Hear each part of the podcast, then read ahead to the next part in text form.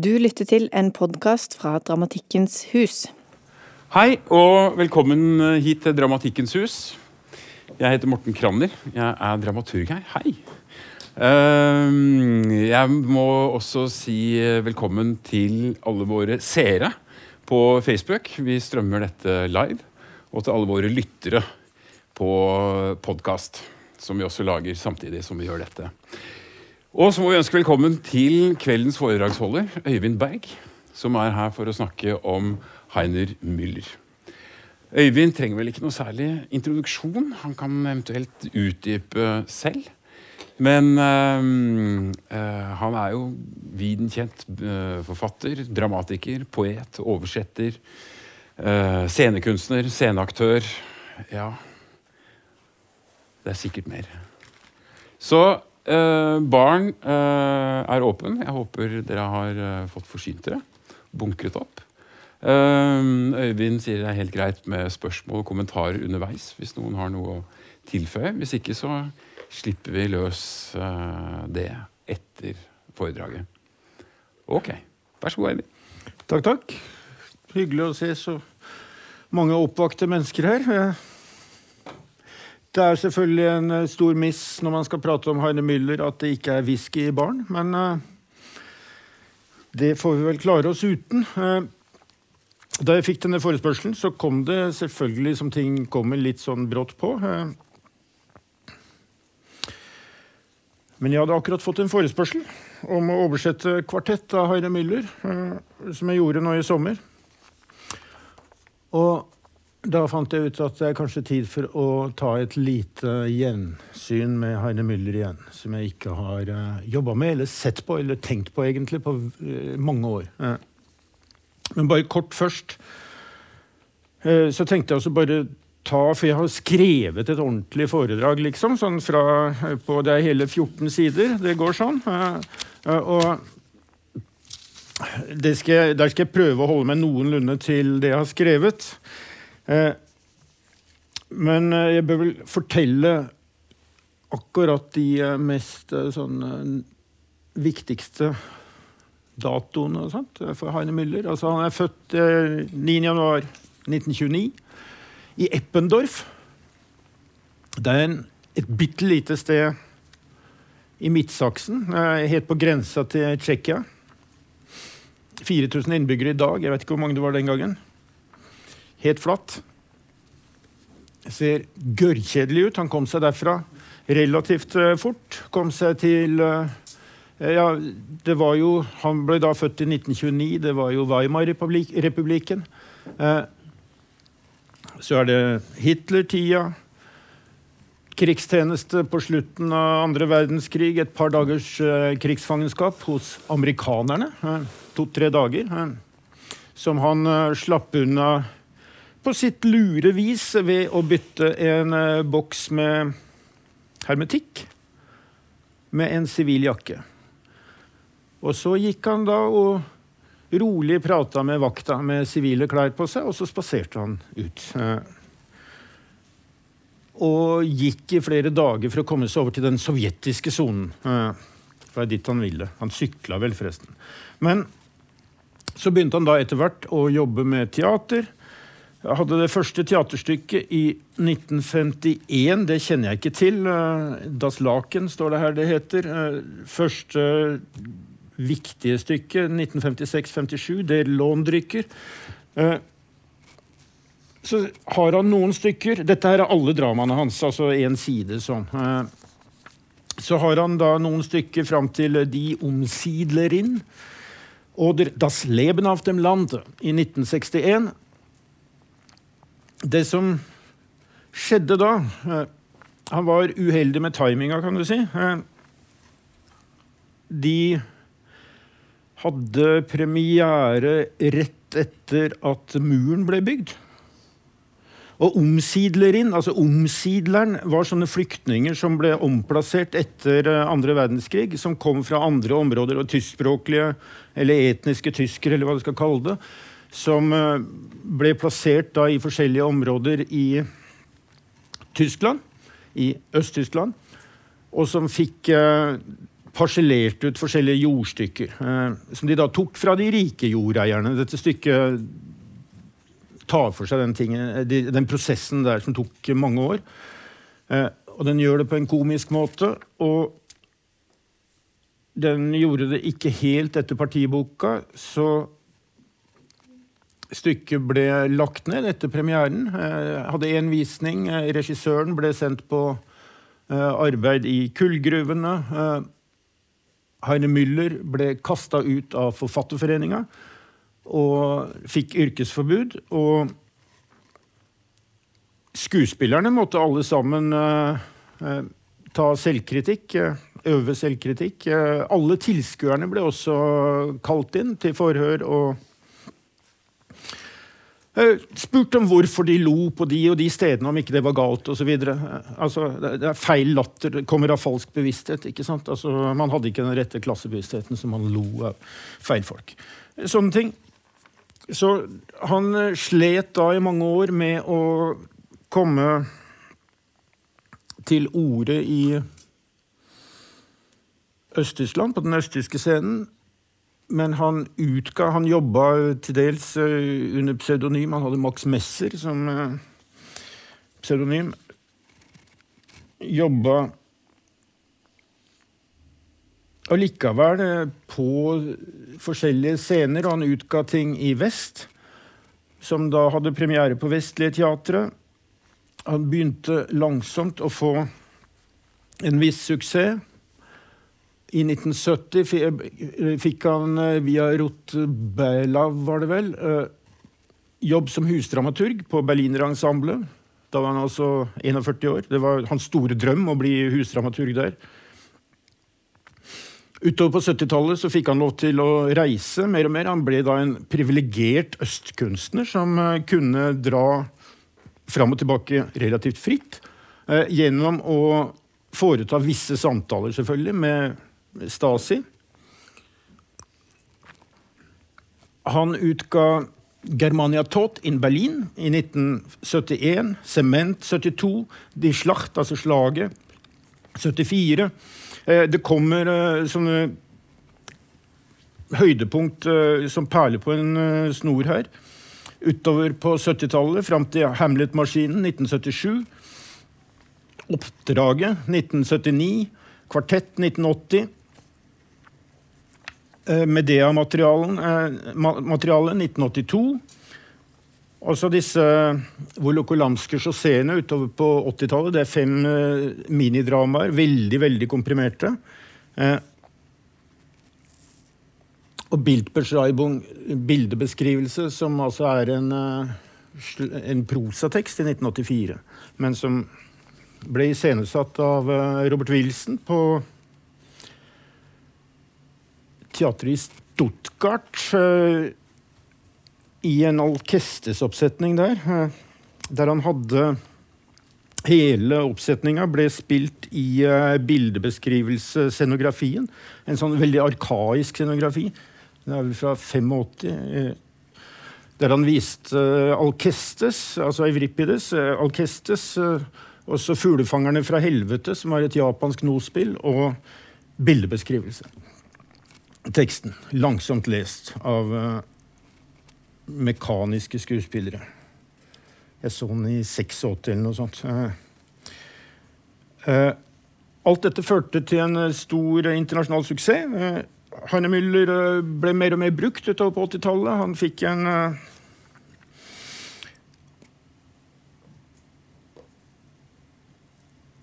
eh, enorm utbredelse, egentlig, eh, i mange medier og musikere, rockemusikere fra Blixa Bargelt eh, og folk som Hanne Goebbels og sånt uh, samarbeida med han. Og da vi eh, holdt på med Baktruppen, var han viktig, f.eks. Vi eh, eh, lagde Germania Tot in Berlin i 1989, eh, som ble vårt eh, sånn eh, internasjonale gjennombrudd. Eh, og han var alltid en referanse i eh, vårt arbeid. Sånn. Og da jeg nå skulle se på dette her med Heine Müller igjen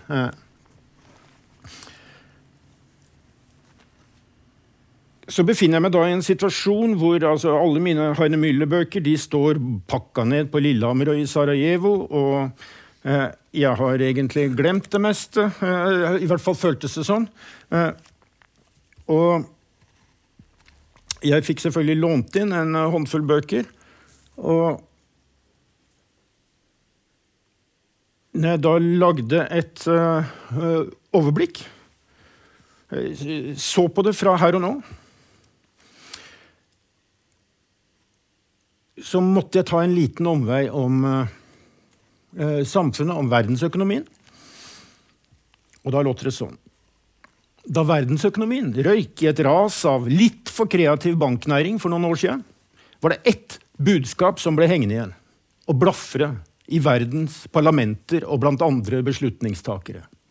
Stabilitet. Det gjaldt for enhver pris å gjenopprette stabiliteten.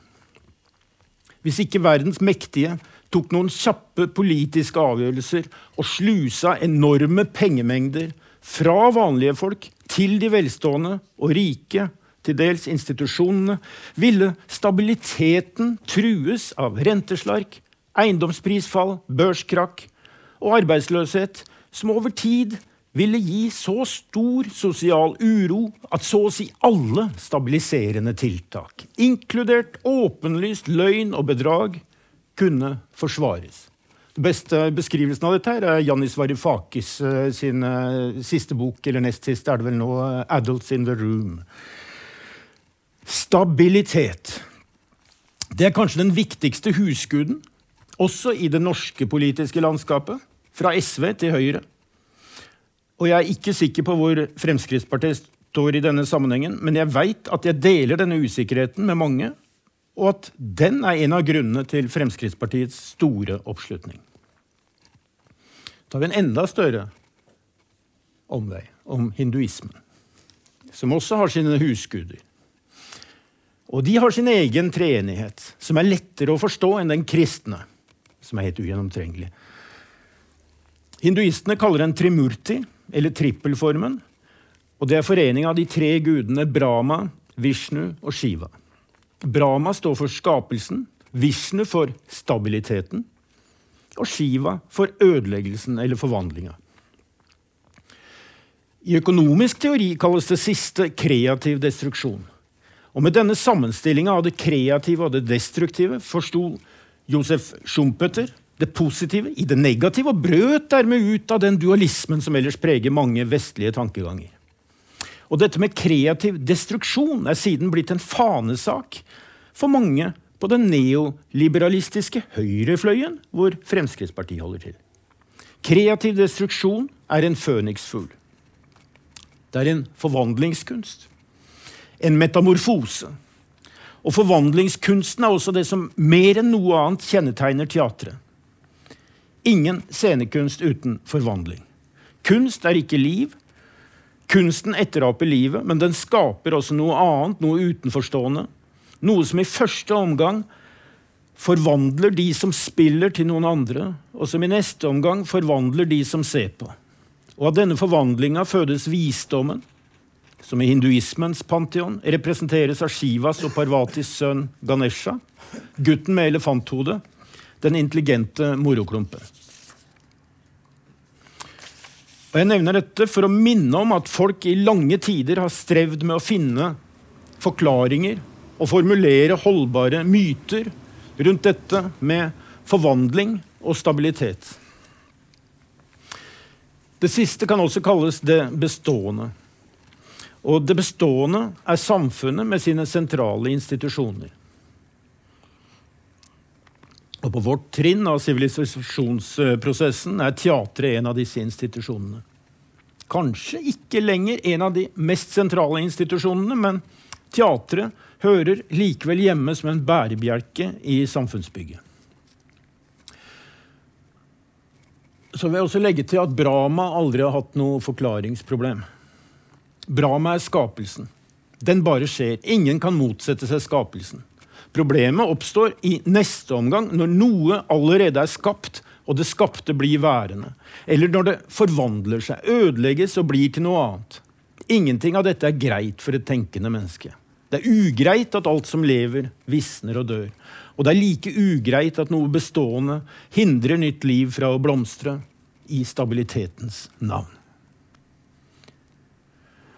Og midt oppi alt dette her så kan det være vanskelig å få øye på Heine Müller og hva han gjorde. Og dette har mange grunner. På den ene sida så sto han metodisk tanke- og innholdsmessig tett på noen av sine postbrechtianske generasjonsfeller her hjemme. Vi kan tenke på Georg Johannessen og Jens Bjørneboe.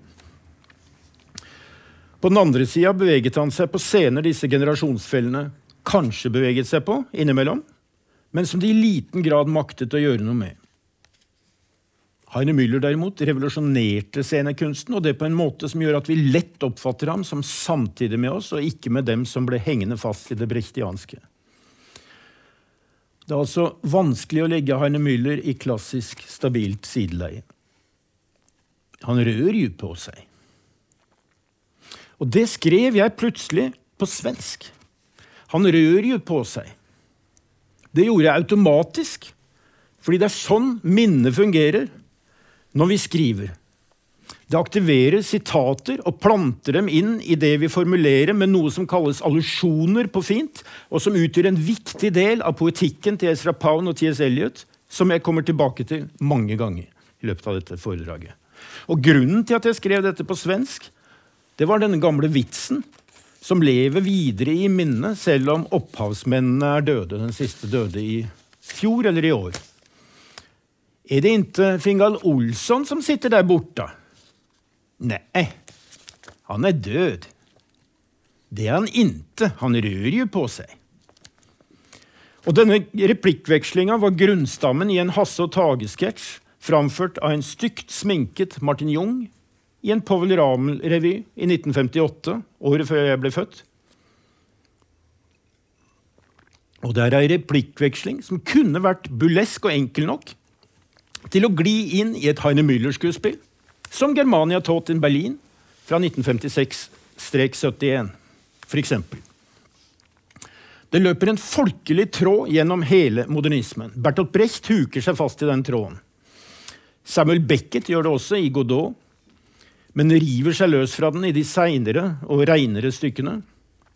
Alfred Jarri og dadaistene røska så hardt i denne tråden at noen vil mene den røyk tvert av.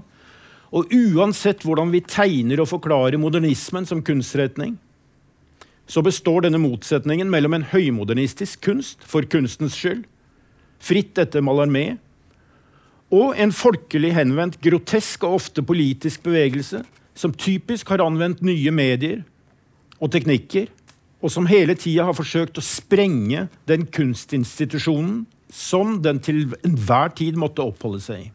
Enkelt sagt kan vi si at det finnes to modernismer. En som estetiserer og setter kunsten over livet, og en annen som insisterer på at kunsten er ubrukelig hvis den ikke sprenges av liv. Denne motsetninga er litt påståelig her, men vi får uh, tåle det, kanskje. Og denne motsetninga kan ikke alltid formuleres like klart. Det fins grensetilfeller og tvilsomme kasus. Men Heine Müller tilhører utvilsomt den siste av disse retningene. Og siden han var en reflektert mann, betød det også en innrømmelse. Kunsten er en luksus, et overflodsfenomen, som kun kan forsvare sin eksistens med behovet for kritisk og estetisk distanse. Altså med behovet for å se oss selv bedre å gripe vårt moment, moment i den historiske prosessen. Eller som jeg sier et annet sted, kunsten gjør det mulig å se oss sjæl i et klarere lys enn de glimtene vi får gjennom de makroøkonomiske strobene. Og nå vet vi også at de makroøkonomiske strobene kan skrus på og filtreres etter forgodtbefinnende. Det fins altså ikke noe objektivt, klart lys som vi kan kaste over menneskene. Og når samfunnet samtidig er i rasende forandring, blir det nødvendig å dyrke en kunst som beveger seg enda fortere. Den seine Heine Müller understreket ofte dette med høyt tempo. Og han gjentok stadig. Han understreket ofte dette med høyt tempo, men hvis man ser på skrifta hans, så skrev han jo ganske langsomt. Altså han, eh, Han har et stort verk, men uh, i uh, volum er det ikke stort. Det er helt tydelig at han har jobba langsomt med disse tekstene. Men han tilba det høye tempoet. Og han gjentok stadig en historie om Bertolt Brecht, som sa på et studentmøte da han vendte tilbake til Tyskland som eksflyktning etter andre verdenskrig men eh, da vendte han selvfølgelig tilbake til DDR, for det var der han fikk innpass. Han fikk ikke lov til å opprette sitt uh, teater i den amerikanske okkupasjonssonen. Og da sa Brecht på et studentmøte at han skulle jobbe med vitenskapelig produksjon av skandaler i DDR. Det er smart. Og skandaler var som kjent et av virkemidlene til den historiske avantgarden. Og det er i denne sammenhengen vi må plassere Heine Müller. I den folkelige, politiske avantgarden som forsøker å sprenge sine institusjonelle rammer. Men som allikevel, vi må se han i de institusjonelle rammene. Altså, vi kan tenke på en annen mann som har forholdt seg til eh, T.S. Eliot og Ezra Pound. Bob Dylan som sang Ezra Pound and T.S. Eliot fighting in the captain's tower while calypso singers laugh at them and fishermen hold flowers. Og Dermed såpass eh, parkerte Dylan høymodernismen på Desolation Row og vendte tilbake til sangens moderne rotvekster. Og skrev ikke bedre tekster etter hvert, eh, men det er en annen diskusjon. Eh, han fortjente selvfølgelig den nobelprisen. Men Heine Müller fortsatte å forfine sitt tekstlige uttrykk. Og det er fordi han jobba i teaterinstitusjonen og ikke utafor. Og han ble aldri ferdig med T.S. Eliot og Pound. Og særlig Pound ble viktig på det rent formale planet i det kunstneriske arbeidet. Genia Schultz, som døde litt uh, altfor ung, hun skrev at Heine Müller modellerte sine sjangersprengende teatertekster fra 70- og 80-åra over Elliot og Pounds sitat, dramatiske, dialogiske, gestisk-teatrale diktlinjer. diktlinjer. Og hun påpekte at dikteren dermed fjernet seg fullstendig fra Bertolt Brecht. Og kjenner av Brecht vil sikkert stusse litt over dette, for også Brecht formulerte et gestisk prinsipp for teatertekstene sine. Men det brechtianske prinsippet er virksomt på det ekstraverbale planet. Det har med innhold å gjøre, og det har med handling å gjøre. Hos Ezra Pound foregår gestikken og stemmeskiftet helt nede i det prosodiske grunnelementet i verslinja. Det er konkret og fonetisk kraftfullt mer enn intellektuelt oversiktlig, spillbart og rolleforståelig. Det flyter i linja. Likevel er dette ingen autonomiestetisk bevegelse, snarere tvert imot. Det er et forsøk på verbal stoffliggjøring av det dramatiske stoffet. Et forsøk på å forankre den mimetiske refleksen i det språklige mediet. In minor heimat, hvor døde vandret, og levende var støpt i papp. Slik, i den motsetningsfylte verslinja, oppdaget Heine Müller postdram en postdramatisk teatertekst som var annerledes enn alle andre fordi den stadig var så full av dialog. Müllers monologer er mangstemmige, slik hans episke innskudd også får mer showkarakter enn fortelling. En kan si at det er et dramatisk instinkt her som aldri slutter å virke, selv når den ytre dramatikken skrapes til beinet. Og kanskje nettopp da. Dette kan høres ut som tomme påstander, men jeg skal lese den andre akten i Hamlet-maskinen.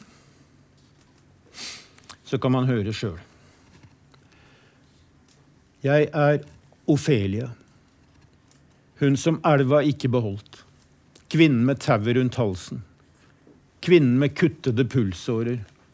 Kvinnen med overdosen. På leppene snø. Kvinnen med hodet i gasskomfyren. I går holdt jeg opp å drepe meg. Jeg er alene med brystene mine, lårene mine, kjønnet mitt. Jeg slår mitt fangenskapsverktøy i stykker. Stolen, bordet, senga. Jeg smadrer slagmarken som var mitt hjem.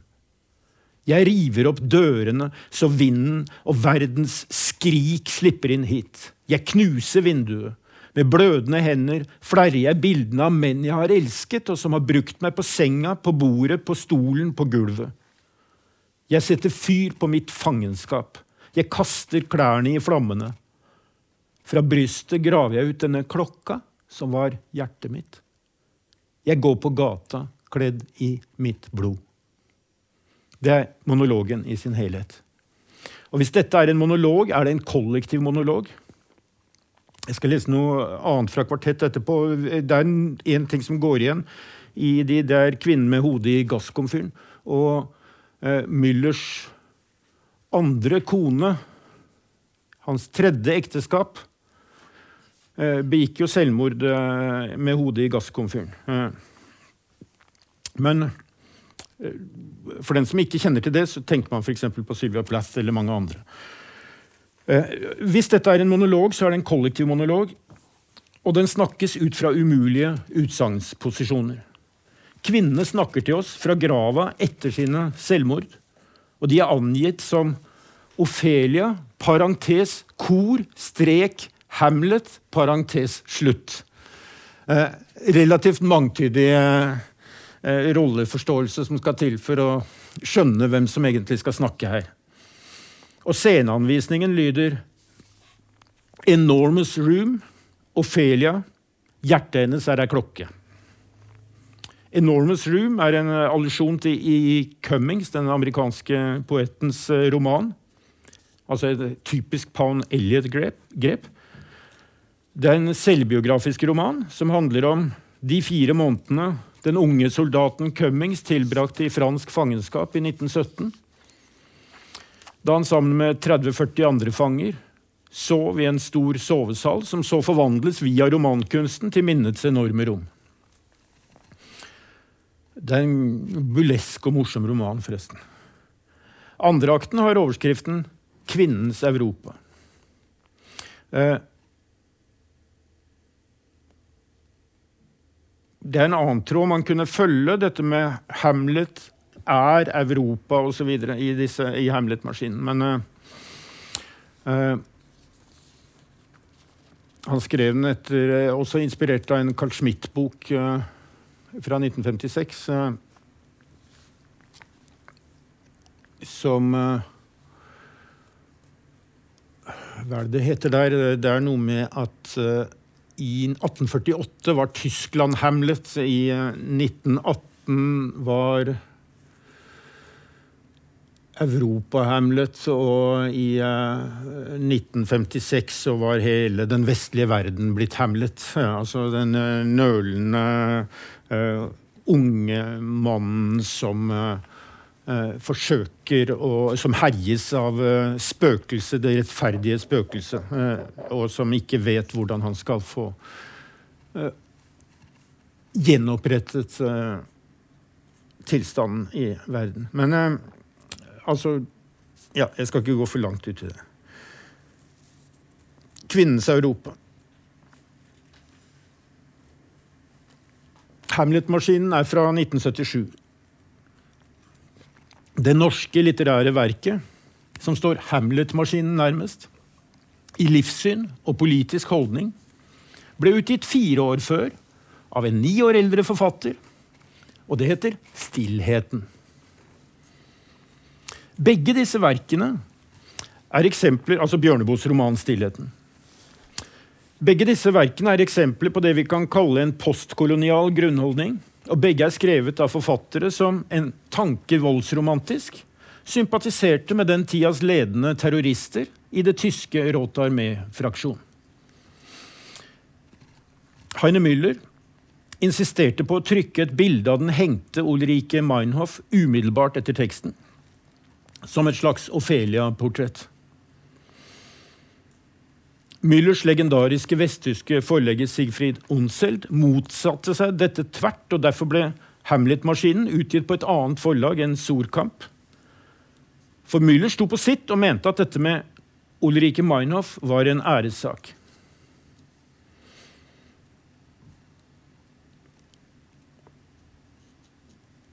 Og når det gjelder Bjørneboe, så hadde også han et eh, fotografi av Ezra Pound over arbeidsbordet. Og det var mindre, for ifølge hans uh, kone, som jeg har spurt om det, uh, mindre pga. hans diktning enn pga. hans skjebne som landsforræder. Så vidt jeg husker, var det det hun svarte. For Ezra Pound var landsforræder, og han ville blitt dødsdømt etter andre verdenskrig hvis ikke en velvillig psykiater hadde erklært ham mentalt utilregnelig og fått ham sperra inne på sinnssykehus. Og forræderiet er jo et av de store temaene til Heine Müller, som skrev dette kjente i forræderiets tidsalder er landskapene vakre. Forræderiet er selvfølgelig også et av de mest potente og velbrukte tema i den dramatiske oppskriftboka. Men hos Heine Müller kan kretsinga rundt forræderiet tilskrives hans egen biografi som forfatter i de to diktaturene, samt i det han beskrev som sin dramatiske urerfaring eller opprinnelsesmyte da faren ble arrestert av to brutale SA-folk en natt i 1933. Og den fire år gamle Heiner snudde ryggen til og lot som om han sov da de åpna døra, døra til rommet hans. Og dette er en på alle måter heavy erfaring, selvfølgelig, som Müller forholdt seg til, med dreven distanse, profesjonell kløkt, stille fortvilelse, bitende ironi og et vennlig nikkende flir. Som han forholdt seg til det meste. Eh, faren eh, overlevde krigen. De besøkte han også i eh, konsentrasjonsleiren. Eh, han slapp ut før krigen, men det er en annen historie.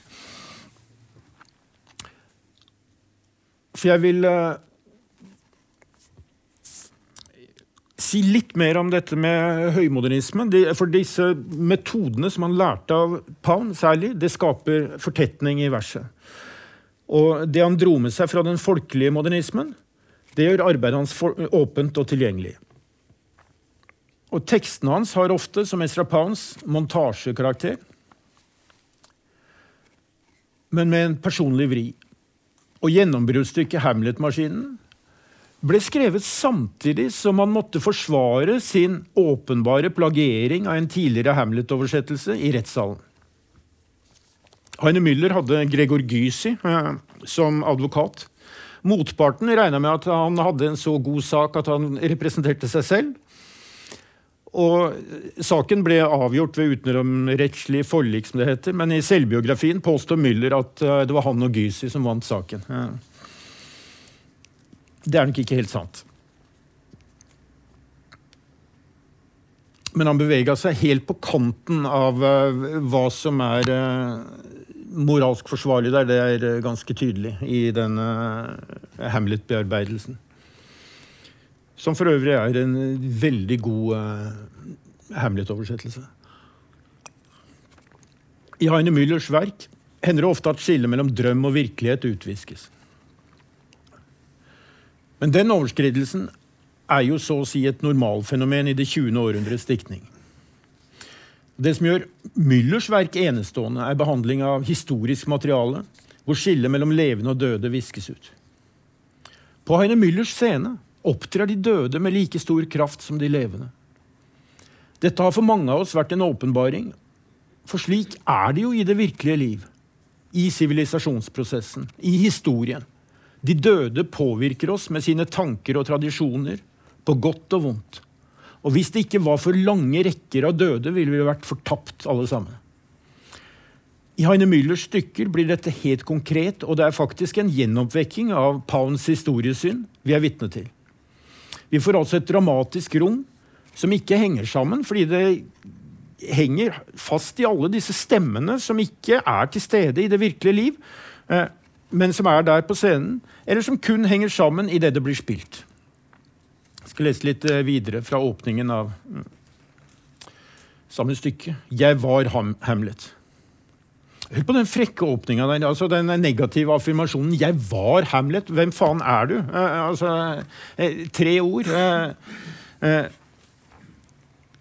og så man, man, skal liksom presentere seg, og så kommer han ut og så sier han hvem han var, men ikke hvem han er. ikke sant? Det er råfrekt. Jeg var Hamlet. Jeg sto ved kysten og snakket med brenningen. Bla, bla. Europas ruiner i ryggen. Her er det jo T.S. Eliot ved Wasteland som ligger under, selvfølgelig.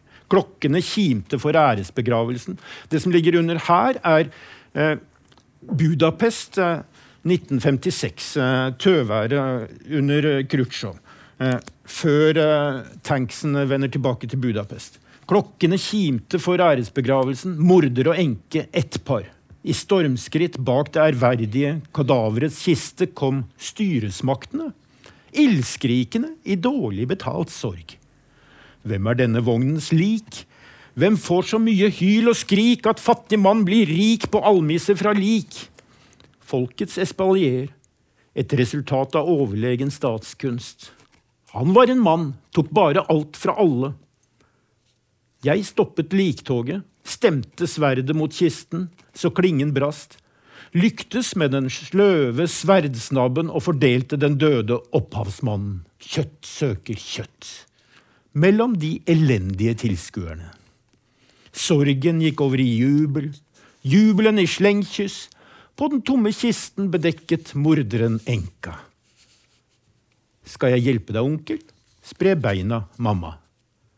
Jeg la meg ned på jorda og hørte kloden dreie rundt i takt med forråtnelsen.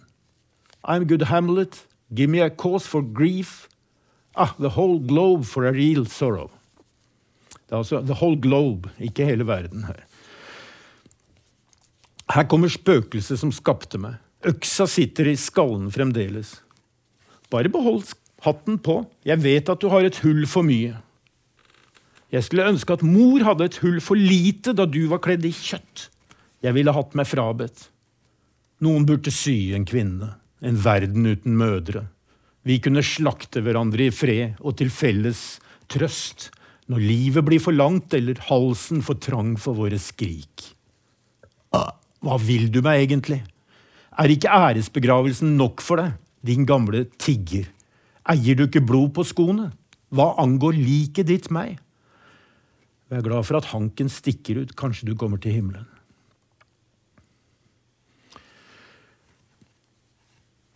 I Volokolamsker chaussé skriver han de kjære døde gikk i bataljoner, som dere skar ut av kalenderen. Det er krigens logikk som næres av de døde her og nå. De døde er politiske. Karl Marx Det er et uh, sitat uh, Heine Müller ofte uh, sa, gjentok på slutten. Han sa at tyskerne alltid får oppleve friheten på begravelsesdagen. I Germania Tot in Berlin sies det at Jesus er de dødes morkake. Hva betyr det? Heine Müller var en kløpper til å smi metaforer. Men hvordan skal vi tolke slike sarkastiske utsagn? Jesus er de dødes morkake. Kjenn på det. Kan det bety at de døde blir født? og at de dødes nye fødselsskrik aldri slutter å ljome gjennom de levende, som å bære denne myriaden av konstant nyfødte i sine egne kropper. Hvordan er det i så fall mulig å forstå dette? Er det noe vi kanskje ikke er i stand til å fatte hvis det ikke realiseres på en scene? I et teater? Noe som er så dramatisk at vi ikke kan forstå det på andre måter? Det kan i alle fall finnes gode grunner til å fortette denne typen kollektiv erkjennelse på en teaterscene. De siste åra av livet sitt så lekte Aine Müller i intervjuer osv. Han var jo en stor intervjumaker på slutten. Da lekte, fortalte han ofte dette at vi levende nå for første gang i historien er flere enn de døde. Det var noe som betydde mye for han, den tanken. Jeg vet ikke helt hvor han har den demografiske beregninga fra, eller om den stemmer. Jeg har ikke telt etter.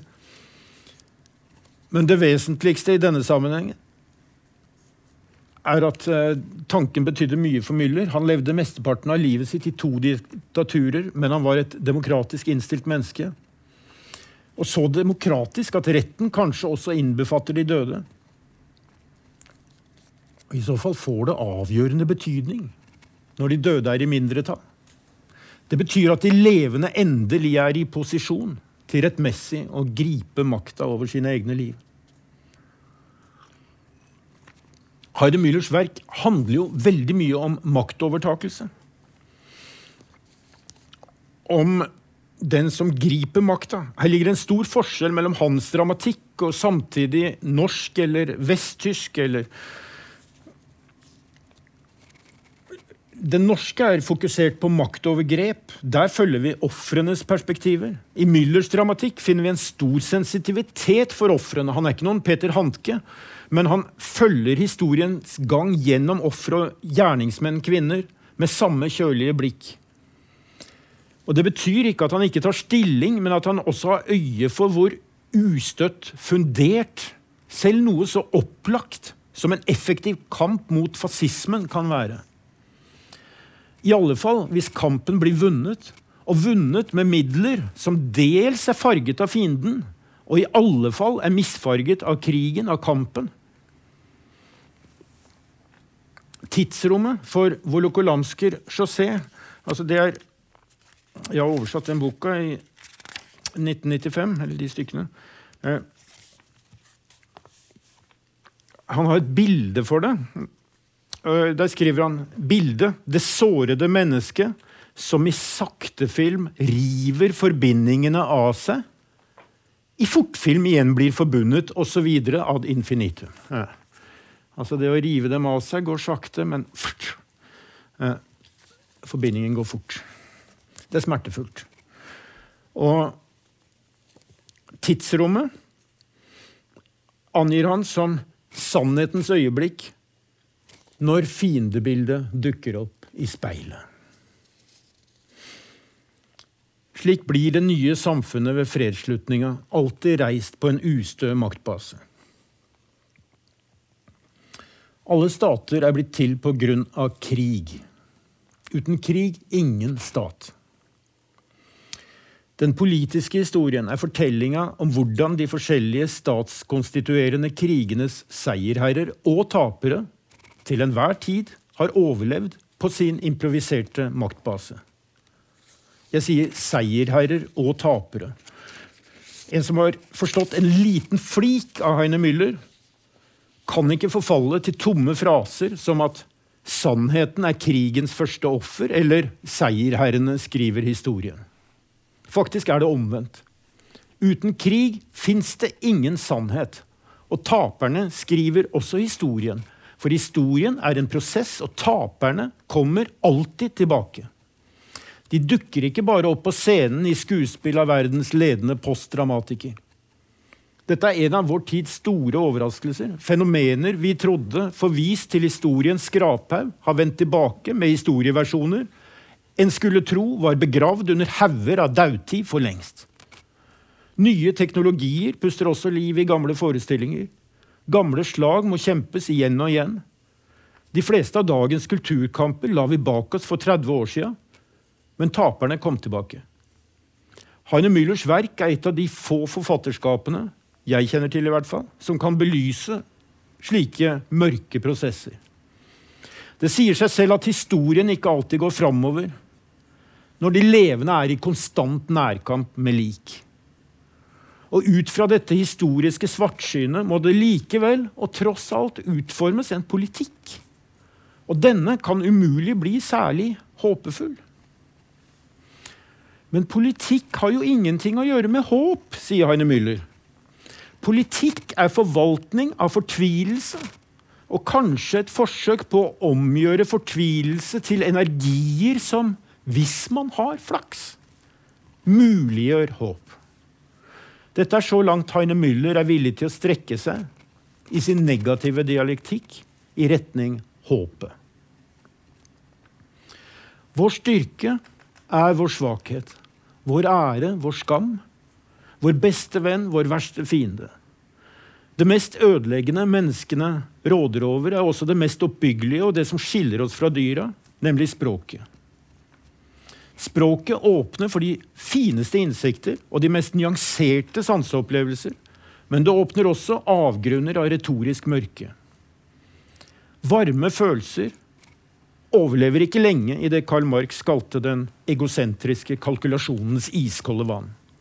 Og det destruktive potensialet i en instrumentell språkbruk er blitt grundig eksponert, i alle fall siden Sokrates' kritikk av Faidros. Og likevel så hjelper det på sett og vis ikke.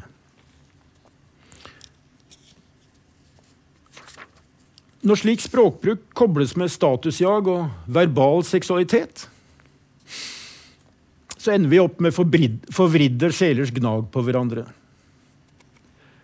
Og dette er noe Heine Müller nedtegna presist i ålete og passe spydig i Kvartett fra 1980. Er en dialog mellom to personer som begge også spiller andre, og som foregår i Altså, dialogen foregår i det han kaller en salong før den franske revolusjon. Skråstrek bunkers etter tredje verdenskrig.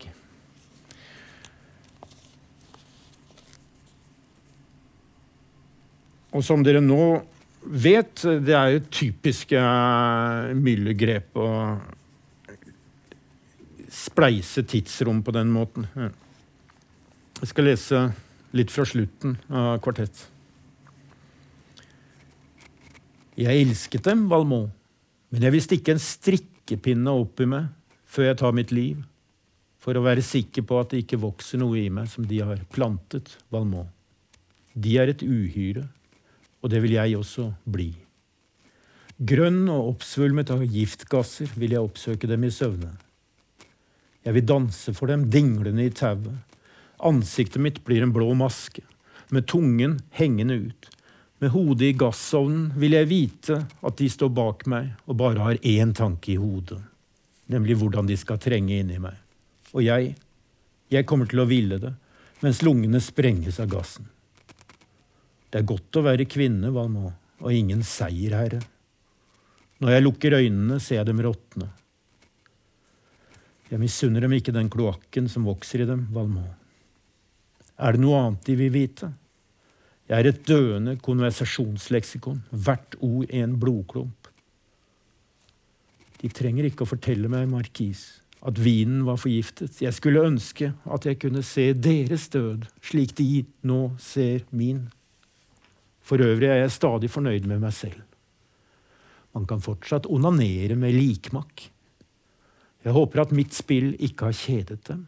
Det ville faktisk vært utilgivelig.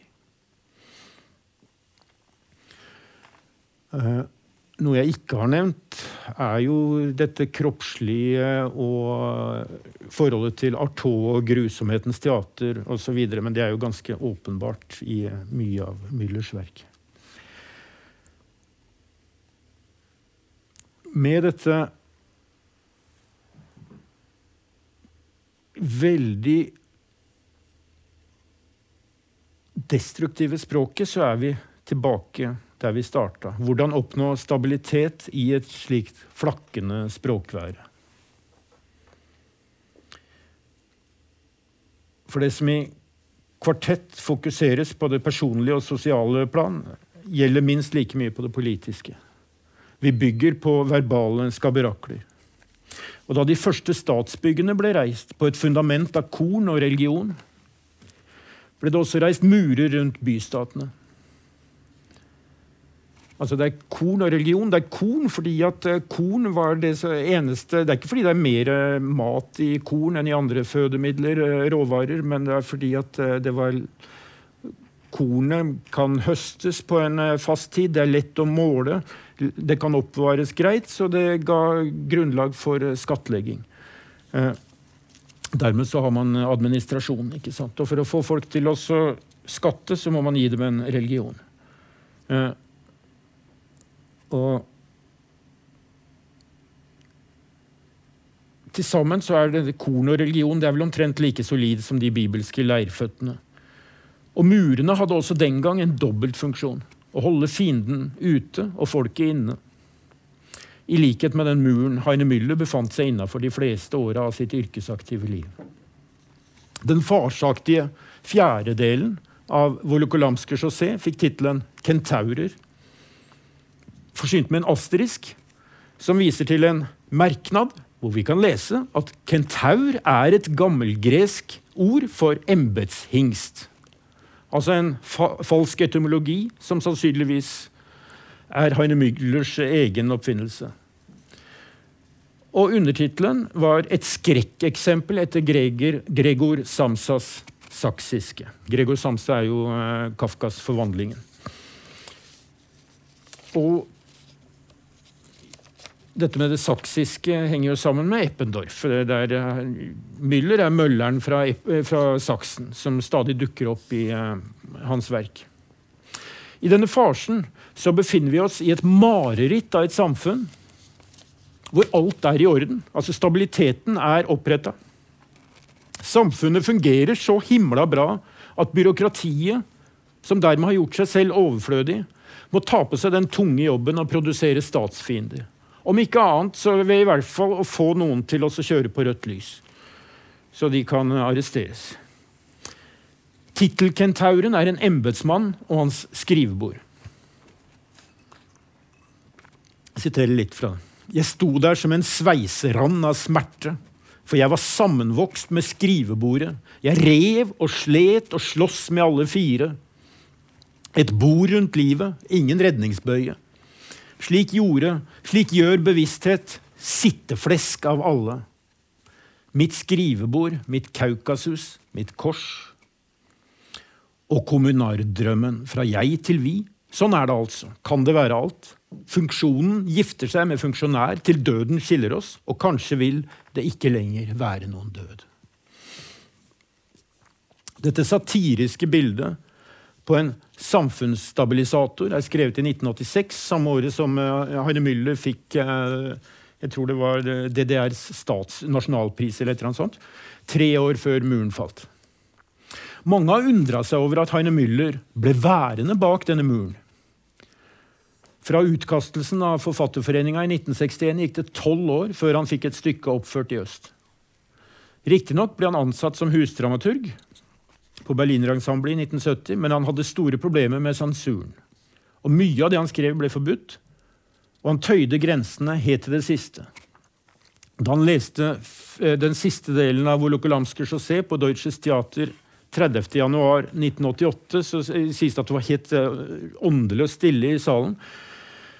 Og han hadde problemer med å, med å holde stemmen uh, ren og klar og ikke skjelvende. Uh, til mannen, teatersjefen, som, hadde, som også var en mann som da hadde kjempa for uh, Müller i mange år og mot mot sovjetisk veto, blant annet. Han sa at han skalv da han leste teksten. Så det var altså ikke helt ufarlig, det Müller holdt på med. Men likevel så var han en privilegert. Han kunne reise til Vesten så mye han ville. Og hvorfor ble han ikke værende i vest? Eh, svaret hans på det var for det første at han aldri var i direkte livsfare som forfatter i DDR. For det andre var det et voksende gap mellom virkeligheten på bakken og utopien, som han egentlig aldri stilte noe spørsmål ved altså den sosialistiske utopien, at virkeligheten var miserabel, ga en nesten uutholdelig spenning, et enormt erfaringstrykk, sa han. Og så har jeg et sitat. Jeg kunne formulere dette rent estetisk. Det fins en tekst av T.S. Eliot der han skriver det er trykket av erfaring som driver språket fram i diktningen. Dvs. Si at man rett og slett skriver bedre når erfaringstrykket øker. Underforstått, det er bedre å leve i Vesten under vårt kapitalistiske system, men her lider vi også under store illusjoner som tilslører realiteten og de virkelige maktforhold. Han sa også, altså William Shakespeare skrev jo stykkene sine med et enormt tvisyn, og Heine Müller gjentok ofte at Shakespeare aldri kunne ha skrevet sine store tragedier i et demokrati. Og Han fortalte også en annen historie Altså, det, det, er jo, det, er jo, behovet for uh, uh, fordekt tale som ligger eh, bak dette her. en maktkritikk som må gjemme seg litt, skaper stor diktning. Det er det som ligger i det. Og han fortalte oss en annen historie, eller en fabel. Historien om Orfeus, som Müller ga en egen vri. Hvis dere husker etter at han hadde henta opp uh, Evridike fra underverdenen og snudd seg, og, så hun forsvant bakover osv., så, videre, så ble han revet i filler av bakantinnene. Men hodet hans rulla videre. I den opprinnelige historien så flyter det vel eh, videre altså I uh, Ovids versjon så flyter det vel videre nedover i elva, så vidt jeg husker. Men hos Müller så ruller hodet videre og fortsetter å synge. Bakantinnene løper etter hodet, kaster steiner og skyter piler på det. Men Orfes han hadde sunget så vakkert om steiner og greiner og alt som fantes i naturen. Så ingenting av det han hadde sunget så vakkert om, kunne såre ham. Det er samme som Brage i norrøn mytologi. Dermed så fortsetter hodet å synge. Og stormløpet etter det rullende skaldehodet fortsetter til de kommer til en åker. Og bøndene som gikk og pløyde, ble skremt av de rasende kvinnene og tok beina på nakken. Og Da kjørte bakantinnene plogjernet inn i den syngende skallen. Og dette ble Orfeus bane. Han hadde nemlig aldri sunget om arbeidet, og heller ikke om arbeidsfolks liv. Derfor ble han nå pløyd ned i jorda, og slik stilna sangen hans for alltid.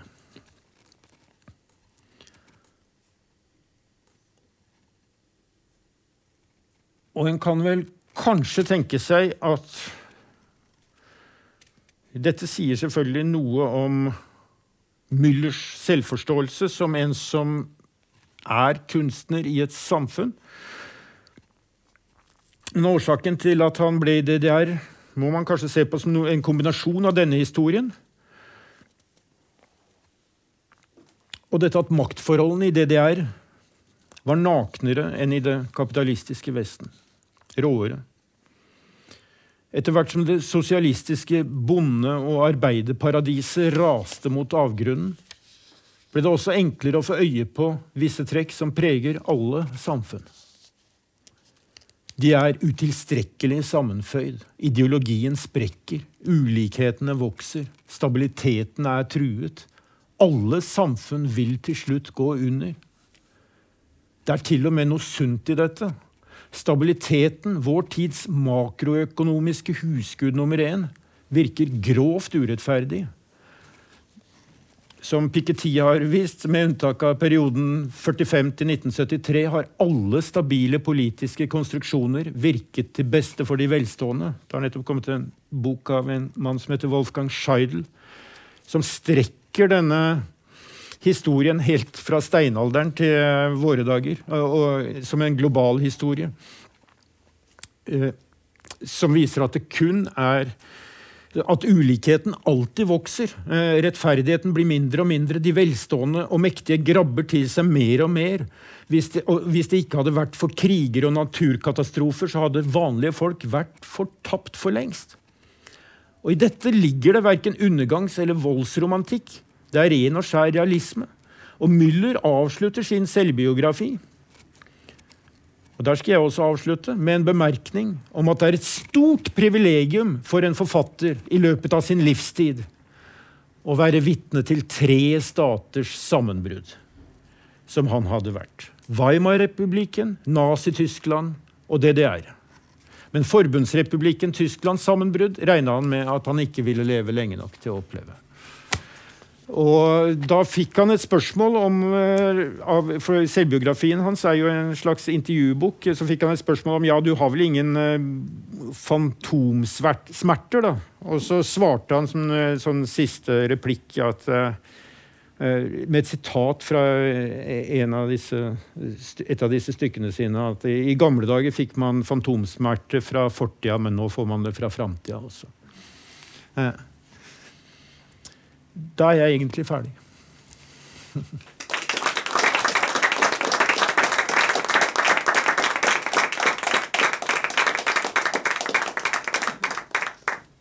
Hei. Ja, takk til Øyvind, altså. Uh, hvis det er noen som har noe å tilføye, noen spørsmål eller noen kommentarer, så får dere en mikrofon, sånn at vi får det med i både i sendingen vår og i podkastarkivet. Ja, vær så god. Um, uh, jeg tenker på litt, Hva tenker du om årsaken til at ikke han blir satt opp så mye i Norge? At ikke hans dramatikk så ofte blir iscenesatt? I uh, gamle dager så tenkte jeg at det har å gjøre med Ibsen-tradisjonen osv. Nå veit jeg ikke. Uh, jeg syns det er et, uh, en underlig sak. Det er i Norge og en del an i England f.eks. er han også lite satt opp. masse i Frankrike, masse i Italia, masse i Spania. I Japan er han gigantisk. I Norge så har han i liten grad slått igjennom. Og det har nå i hvert fall noe å gjøre med teatrenes syn på sin politiske rolle, tror jeg. Med at teatrene i Norge, som i England f.eks., ikke har den sentrale politiske funksjonen som de har i noen av disse europeiske landene. Men det kan umulig være hele svaret. Det er kanskje andre som jobber i institusjonen her, som kan svare også. Men altså for Nå blir jo da som Eller vil, kvartett vil bli satt opp nå i løpet av neste år. Men det er jo et atypisk Müller-stykke. som De typiske Müller-stykkene er jo tunge historisk-politiske spørsmål som tas opp. Og det har Det vekker jo en annen type refleksjon enn den der norsk teaterverden stort sett befinner seg. Må jo også si at de norske teatrene fra 90-tallet, med suksessen til Jon Fosse osv., har beveget seg i motsatte retninga. Ikke sant? Altså vekk fra akkurat den folkelige, kraftfulle modernismen som jeg mener at Müller må presenteres innafor. Og mot en mer blodløs, kunst for kunstens skyld estetikk. Og det er kanskje vanskelig å sette opp noe så omvendt ved siden av hverandre.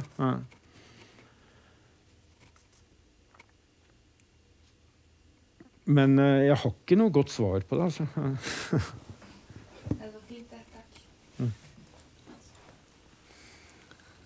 Var det noen andre? Da har jeg lyst til å spørre uh, Har du lyst til å si noe uh, altså Selv om det sikkert er et opplagt spørsmål og skinner igjennom gjennom det du allerede har sagt, men har du, har du, lyst til å gå litt videre eller si noe mer om hvordan Müller har påvirket deg i din egen uh, skriving? ja Han er jo en enorm inspirasjon, selvfølgelig. så det er vanskelig å si det han har alltid vært der. og Som Jørgen også vet, han var alltid med oss i baktruppen. og eh, Han var liksom den stolpen som det gikk an å lene seg til. På godt og vondt, kanskje. Altså, det fins jo Hvis du Man kan ta en Eh, for vi skrev jo, eller jeg skrev jo, men eh, vi gjorde om denne herre Heine Müllers eh, 'Germania tot in Berlin' til en liten sånn tekst i tråd med hans seinere, litt seinere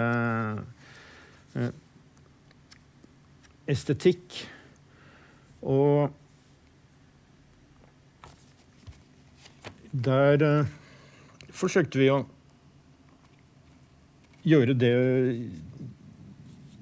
norske Den norske etterkrigshistorien uh, og tematisere den på samme måte som han uh, tematiserte den tyske etterkrigshistorien. Og det gir jo noe av svaret på det du spurte om også, for det er uh, jævla Den norske etterkrigshistorien er så tam og unnvikende, og vi har ikke de der enorme blodige konfliktene som tyskerne er nødt til å forholde seg til. Og, uh, men selvfølgelig så ligger de under her også. Men altså, den norske samarbeidspolitikken og sosialdemokratiet osv. har vært veldig gode til å dytte det litt under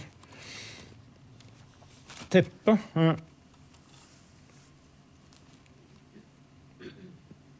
Men eh, det vesentlige med Müller altså Jeg har hele tida sett på Müller i uh, sammenheng med Estrapaun. Estrapaun har vært uh, viktig fordi at han, er, han, har det beste øret, rett og slett. Han skriver best språk. Uh, og det gjør Müller også. Altså, han, er så kraftfull i formuleringene. Han har så fordømt gode metaforer. og gjenbruk av gamle metaforer osv. Han gjør dette så glimrende, og det har jeg selvfølgelig prøvd å gjøre så godt jeg kan eh, sjøl. Etter beste evne så prøver man jo det. Og det er vel egentlig svaret. Eh, jeg tok med det diktet her også, 'Verv Nidgøy kuker til sjela'. Eh, jeg kan lese det som et uh, for det handler om uh, Ja, det hører dere. Det er sagt om engelskmennene at de har udødelig sjel og fryktelig uregelmessige verb. Jeg kom til å tenke på dette en gang jeg sto på scenen i Amsterdam framfor et grusomt dannet teaterpublikum med den feirede og feirende dramatiker Heiner Müller i spissen. Jeg hadde ingen bukser på. Teksten var på engelsk, og nå skulle jeg late som om den kom ut av munnen min mens den i virkeligheten kom ut av en dataspiller via høyttalerne på hver side av scenen. For det første var det om å gjøre å skjule at det var playback, noe som er vanskelig nok i seg sjæl når publikum sitter et par meter unna. For det andre var det maktpåliggende å avlede oppmerksomheten fra kjønnsorganet mitt, som krympa seg så mye der det hang at det nesten ikke hang lenger, men snurpa seg inn i bekkenfettet som en skarve navle. Eller, tenkte jeg, som et av disse fordømt uregelmessige engelske verbene som knyter seg i munnen på tyskere à la Heine Müller og dekker en udødelig sjel. Eh, nå har jeg jo sett eh, i, i, ettertid at uh, Harry Müller var god til å snakke engelsk, da. Men sånn. Ble det siste ord? Da sier vi tusen takk til Øyvind. Utrolig glad for å ha deg her. Uh, takk, takk, til takk, takk, uh, våre seere på Facebook, og takk for at du hørte på denne podkasten. Velkommen tilbake om 14 dager. Du har nå hørt en podkast fra Dramatikkens hus. Har du lyst til å høre disse foredragene live? Sjekk ut våre hjemmesider dramatikkenshus.no.